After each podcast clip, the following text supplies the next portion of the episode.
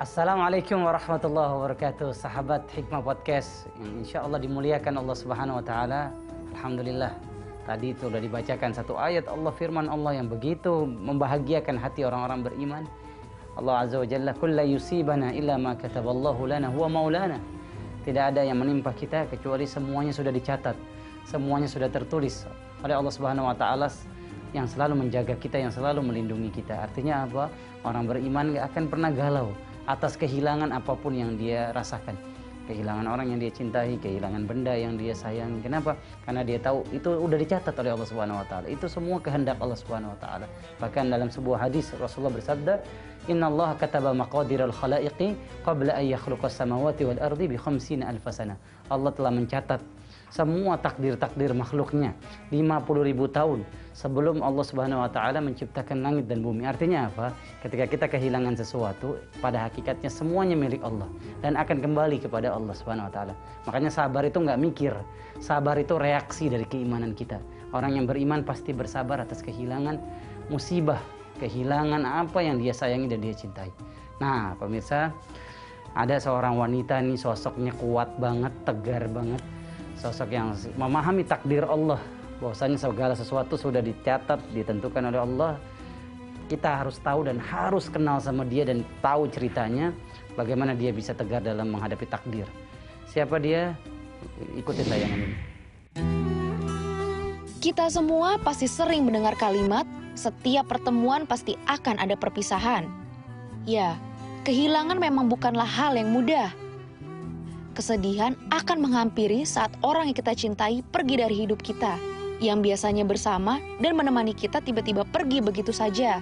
Hal tersebut dirasakan oleh artis cantik Juliana Mukhtar. Dirinya ditinggal selamanya oleh sang suami yang menjadi korban tsunami Anyer beberapa tahun silam. Namun, wanita cantik ini tak ingin berlarut dalam kesedihan. Saat ini Juliana sudah aktif kembali di industri hiburan dan fokus mengurus sang buah hati. Ya, alhamdulillah nih tamu spesial saya, istimewa saya udah datang nih. Orangnya masih muda, tapi luar biasa, lebih bijak mungkin dari saya nih yang lebih muda. ya, Mbak Juliana Mukhtar. Assalamualaikum Ustaz, salam kenal. Kalau Mbak kan orang Jawa ya. Iya. Kalau Aceh kakak apa manggilnya? Uh, kakak. kakak. iya. Jadi Kak Juliana ya. Dekcut juga boleh, Dekcut. Dek Cut. Iya. Oke, Dek Cut Juliana Mukhtar. Iya. Nih, eh, sahabat Hikmah Podcast yang saya janjiin nih pribadinya luar biasa. Eh, waduh luar biasa nggak bisa berkata-kata apa-apa nih soalnya yang di depan saya ini seharusnya yang nyeramahin saya. Oh, aduh, ya yang Allah. harus Masya ngasih kita Allah. semuanya pelajaran hidup. Ngomong-ngomong, eh, anak sekarang udah berapa? Ah, dua, Alhamdulillah. ya laki-laki dua. Dua cowok. Iya. Wah, keren banget. Dua-duanya bakal jagain ibunya nih. Amin. Jagain bundanya. Amin. Yang pertama usia berapa? Ah, 8 tahun, yang kedua 7 tahun. Tujuh tahun, masya Allah ya. Pemirsa Hikmah Podcast ya yang kita tahu dua tahun lalu pernah ada kejadian hebat tsunami di Pantai Anyer Ya. di Provinsi Banten yang mengakibatkan suami dari Cut eh, Juliana Mukhtar ini meninggal dunia. Gimana tuh, Mbak? eh, selama dua tahun kehilangan sosok yang begitu dekat, begitu sayang, begitu cinta, apa yang bisa digali? Apa hikmahnya?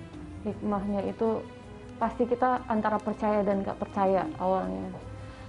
Kebanyakan orang meninggal sakit atau apa gitu. Tapi ini pamit secara baik-baik ternyata tidak pulang kembali. Itu benar-benar sedih banget. Oh jadi waktu itu nggak ikut ya? Nggak, nggak ikut. Seharusnya memang ikut, tapi memang takdir sih, memang bergejolak di hati antara ikut atau enggak, ikut atau enggak gitu. Tapi dia udah uh, pesen dari dua minggu uh, belakangan minta ikut waktu itu. Akhirnya nggak ikut.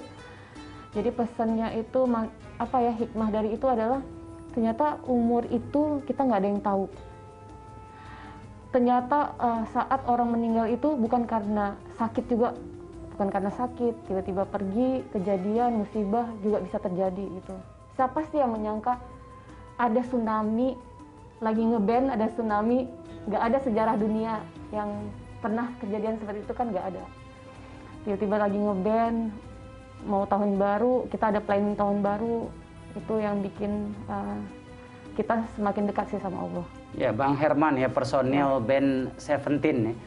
Sosoknya kayak gimana sih nih? Orangnya itu nggak neko-neko. Jadi banyak tanda kutip kalau anak band itu playboy atau Hmm. apa. Dia memang family man, sukanya di rumah, sukanya cuma nonton berita, nggak suka nge-mall.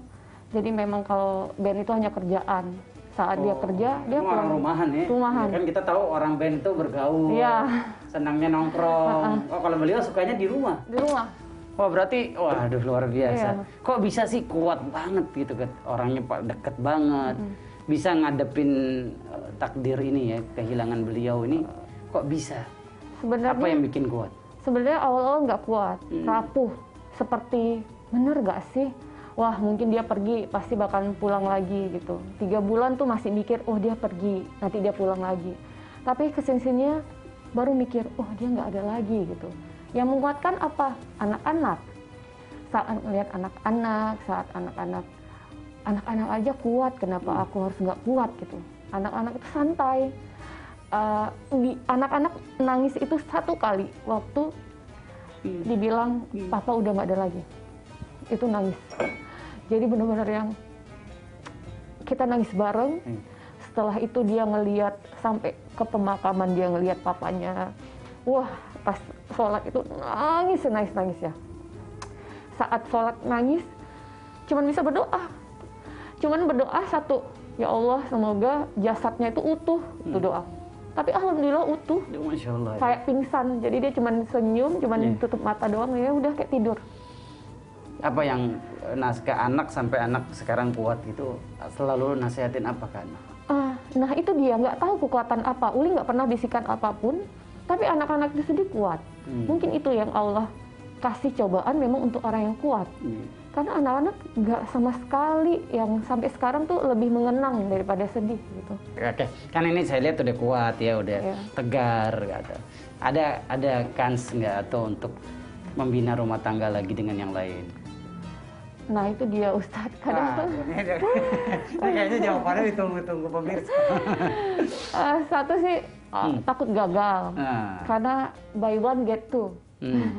menerima mama aja harus menerima dua orang di Iya. rumah jadi kita harus Sekarang benar-benar usia berapa kalau boleh tahu nih? tiga tiga Kepala tiga. ya Tiga-tiga? tiga tiga Eh, pasti kan Bang Herman tadi sosoknya baik, sering di rumah. Pasti banyak ilmu-ilmu yang diajarin, nasihat-nasihat apa yang, masih diingat sampai sekarang. yang masih diingat tuh dia selalu ngomong eh, apa pun kesibukan tetap melihat anak-anak ya anak-anak adalah nomor satu gitu jadi sekarang pasti kalau udah sibuk mau ke mana pasti ingat itu dulu oh ya anak-anak dulu dicek baru pergi Ada ini nggak sedikit penyesalan nggak? Pernah mungkin salah berkata atau sikap Iya. yang kayaknya nih ya Allah kalau seandainya dia masih ada mau memperbaiki. Pasti Boleh boleh tahu nggak apa? Coba nggak ya istri-istri di rumah ya nggak Pak bisa kita jadi ambil pelajaran nih. dari awal eh, jenazah pun datang di rumah yang Uli bisikin Hmm. ke peti jenazah tuh cuma satu kata Eh, Uli panggil dia almarhum Han Han maaf kalau Hun belum jadi istri yang terbaik banyak banget dulu asal dia ngomong apa kita suka membantah asal dia kasih eh, solusi apa kita nggak bisa menerima Hmm.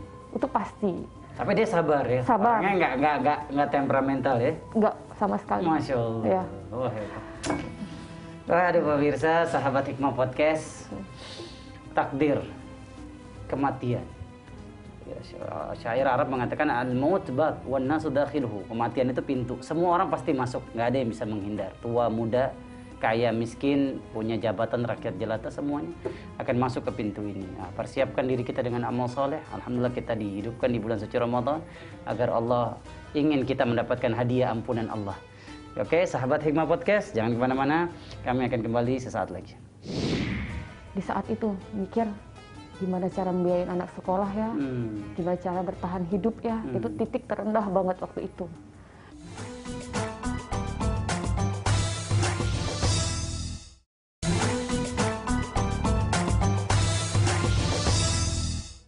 Sahabat Hikmah Podcast, Alhamdulillah. Ini makan sahurnya makan sahur berat apa ringan?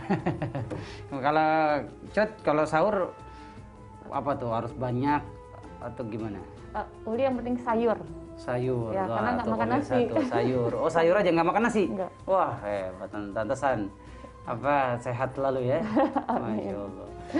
Cut pernah nggak sih ngerasa, wah ini kok berat nih ujian ini nggak sanggup nih. Nggak per- pernah nggak ngerasain itu? Eh, pernah. Saat eh, selesai mengantarkan jenazah, kan kita penguburan di Maluku Utara. Hmm. Saat balik dari eh, tujuh harian, Hmm. kita balik ke Jakarta, mulai merenung. Wah, ngapain di Jakarta ya? Kan Uli di Jakarta karena memang ada almarhum. Hmm. Memang kerja juga sih memang. Tapi orang tua menyarankan bahwa harus balik. Hmm. Di saat itu mikir gimana cara membiayain anak sekolah ya, Hmm. gimana cara bertahan hidup ya. Hmm. Itu titik terendah banget waktu itu. Dan akhirnya wah rezekinya dua kali lipat Allah kasih Oh, gitu. Masya Allah. Pemirsa ya, jangan pernah kita ngerasa Allah itu zalim. Betul. Wa mallahu lil. Allah nggak pernah zalim. Kita yang zalim sama diri kita, kita yang zalim ya sama perintah Allah kita nggak pernah jalanin. Allah nggak pernah zalim.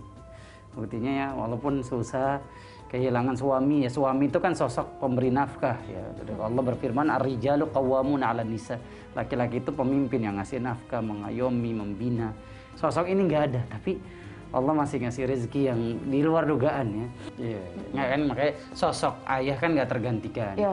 kalau seandainya nanti nikah lagi tapi tiba-tiba mendapatkan ayah yang nggak kayak Bang Herman tuh Ya. buat anak-anak nggak bisa menggantikan peranan Bang Herman tuh gimana? Nah itu yang Uli selalu didoa. Kalau malam eh, kebangun tahajud, Hmm. bener-bener bukan mau selektif Ustadz. Hmm. Maksudnya kita menikah bukan lagi buat diri kita, Hmm. tapi buat anak-anak, buat masa depan kalau bisa sampai eh, tua Oh, bersama. Amin, amin. Jadi ya sekarang berdoa aja.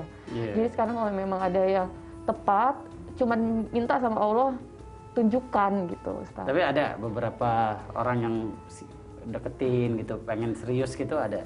Eh, ada, tapi kan Uli mikir Ini kita gini, acara hikmah podcast apa acara gosip? enggak, enggak bisa. Eh, saya nanya begini karena memang ya benar tadi harus selektif. Fadfar bisa tidin, cari sosok yang punya agama, yang bisa membimbing anak kita kita ke agama, lebih dekat lagi ke surga. Bukan sekedar duniawi. Karena kita lihat eh, banyak orang yang berharap besok hidup, tiba-tiba dia dimatikan hari ini. Dan contohnya kayak Bang Herman. Artinya saya kepengen Cut ini punya pola pikir, oh ini ayah yang harus nanti jadi pengganti Bang Herman yang tadi agama, yang bisa membimbing anak-anak ke surga Allah. Oke, selain tadi terima endorsan, kegiatan yang diisi apa lagi? Ah, sekarang udah coba jual baju Ustadz. Oh, punya brand baju. brand sendiri. Hmm. Akhirnya mulai online, alhamdulillah juga. Oh, alhamdulillah. Ah, ah, jadi sekarang apa pun yang bisa Uli lakuin ya Uli lakuin. Buat anak-anak. Buat ya. anak-anak. Mm-mm. Siap, siap, siap. Oke, ya, pemirsa, tidak ada kebahagiaan abadi di dunia, Gak ada.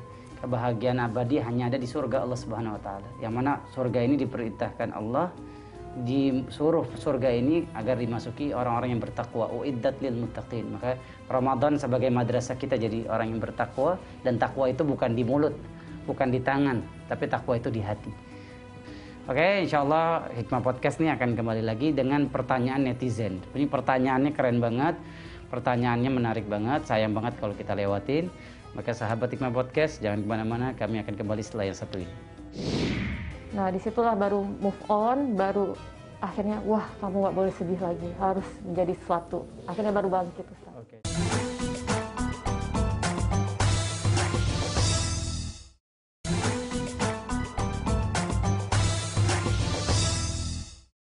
Alhamdulillah sahabat Hikmah Podcast masih bersama kami Insya Allah selalu diberkahi Allah ya Selalu dijaga Allah Eh, Cut Pernah gak ngerasa tuh di titik paling sulit Paling rendah nih Paling udah kayaknya nggak ada harapan lagi nih Pernah nggak? Itu di tahun 2019 lah Ustadz. Dari 2018 akhir musibah almarhum, di bulan Juli 2019 kecelakaan. Ya Allah Hmm. Tapi ya saat kita bersyukur, pasti sabar dan bersyukur, ya pasti ada aja jalannya. Itu benar-benar Kecelakaan mobil kecelakaan mobil di tol. waktu itu. Nabrak? Nabrak. Itu Dan mobil hancur semuanya hancur depannya semua. Kalau dibilang sih kayaknya orang yang bawa itu udah nggak selamat. Ya Allah Tapi alhamdulillah Allah masih masih dikasih. selamatin ya Karena anak-anak masih butuh ibunya Itu betul.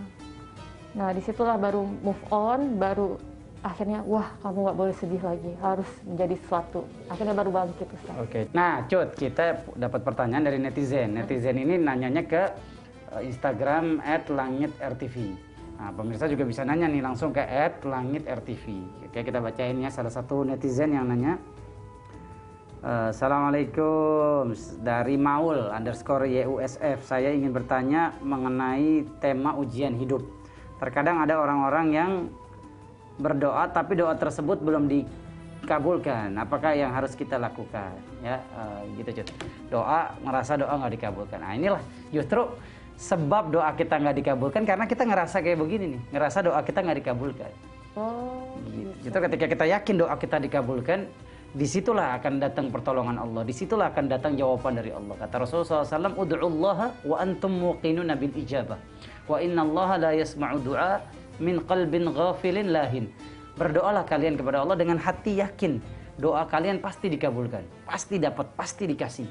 Nah, ini menunjukkan sama kita nih, eh, Islam itu menanamkan optimisme yakin dulu ya. masukin dulu di dalam hati kita gue bisa gue mampu gue akan dapat begitu pun begitu pun dalam hal berdoa dan dalam hal takdir ya la yuraddul qada illa doa tidak ada yang bisa merubah takdir kecuali doa bisa jadi kita ditakdirkan miskin tapi gara-gara kita rajin doa kita jadi kaya bisa jadi kita ditakdirkan sengsara susah nggak bisa punya keturunan tapi gara-gara doa Allah azza wa jalla eh, merubah kemustahilan, merubah sesuatu yang tidak mungkin. Itu doa dahsyatnya doa, karena doa itu senjata. Dia lebih tajam dari pedang, dia lebih eh, dahsyat daripada pistol.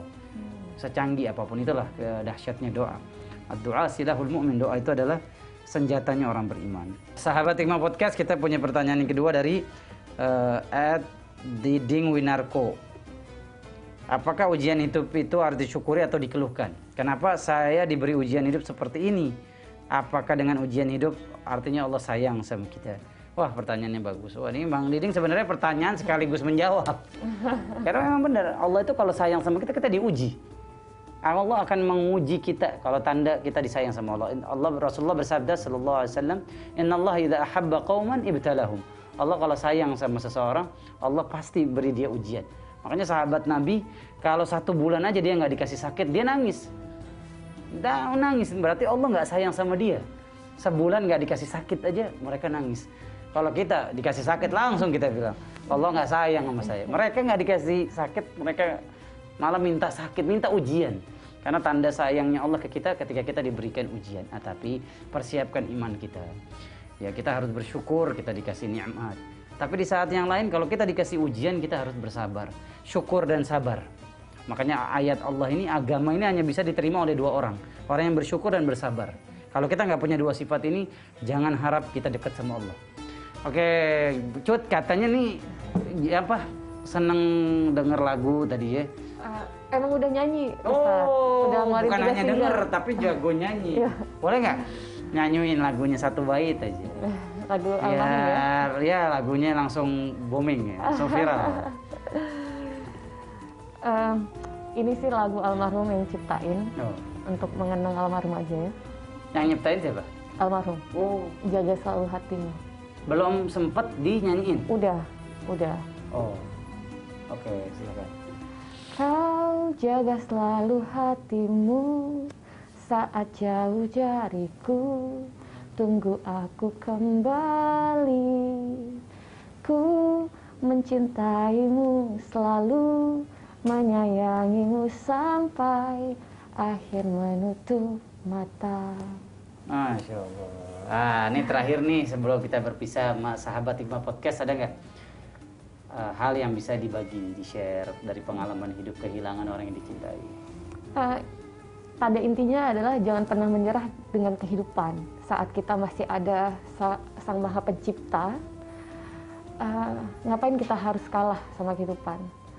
Di mana pun berada, saat sedih, eh, saat ingin menyerah, curhatlah saat kita bisa bersujud pada Allah, mintalah jalan keluarnya, insya Allah pasti ada jalannya. Itu aja. Ya, Masya Allah. Tadi curhat sama Allah ya. Betapa banyak kita nih kalau curhat ke medsos, IG, Twitter, Facebook. Ingat, curhat sama manusia hanya nambah kesedihan. Betul. Tapi kalau curhat sama Allah, menghilangkan kesedihan. Nabi Yakub alaihissalam kehilangan anaknya. Anaknya dipilih jadi nabi. Dari 12 anaknya satu yang dipilih jadi nabi, Nabi Yusuf alaihissalam. Dia harus kehilangan anaknya yang dia cintai sampai dia menangis buta matanya. Apakah Nabi Yakub alaihissalam ngeluh? Bahkan ke anaknya aja dia nggak ngeluh. Dia hanya mengeluhkan kepada Allah. Apa kata dia? Kata beliau alaihissalam Allah Subhanahu wa taala abadikan keluhannya innama ashku bathi wa huzni ila Allah saya hanya mengeluhkan keluhan saya sedih saya hanya kepada Allah kenapa pada hakikatnya hanya Allah yang bisa memberikan jalan keluar dari masalah kita, kesedihan kita. Apa pun kehilangan kita, kalau kita mengatakan inna lillahi wa inna ilaihi raji'un, pasti Allah ganti. Sebagaimana Ummu Salamah ketika dia kehilangan suaminya, Abu Salamah dia berdoa, inna lillahi wa inna ilaihi raji'un, Allahumma akhlif li khairan minha. Wa ajurni fi musibati. Ya Allah beri saya pahala atas musibah saya dan ganti musibah saya dengan yang lebih baik. Akhirnya beberapa saat kemudian setelah selesai masa iddahnya Rasulullah melamar. Saya mau tanya, ada nggak yang lebih baik dari Rasulullah? Gak ada manusia terbaik di muka bumi ini yang jadi suaminya Ummu Salamah. Sabar atas takdir yang Allah berikan kepada kita, maka Allah akan ganti dengan yang lebih baik. Oke, sahabat Hikmah Podcast di mana pun berada, terus saksikan Hikmah Podcast akan menemani sahur Anda dengan penuh hikmah, penuh inspirasi, dan penuh manfaat. Ya, pemirsa Hikmah Podcast, jangan lupa untuk selalu jaga 5M. Menjaga jarak, mencuci tangan, memakai masker, menghindari kerumunan dan interaksi. Insya Allah kita semua disehatkan Allah, dijaga sama Allah Subhanahu Wa Taala. Ramadan momentum kita selalu berdoa dan doa kita pasti dikabulkan. Assalamualaikum warahmatullahi wabarakatuh.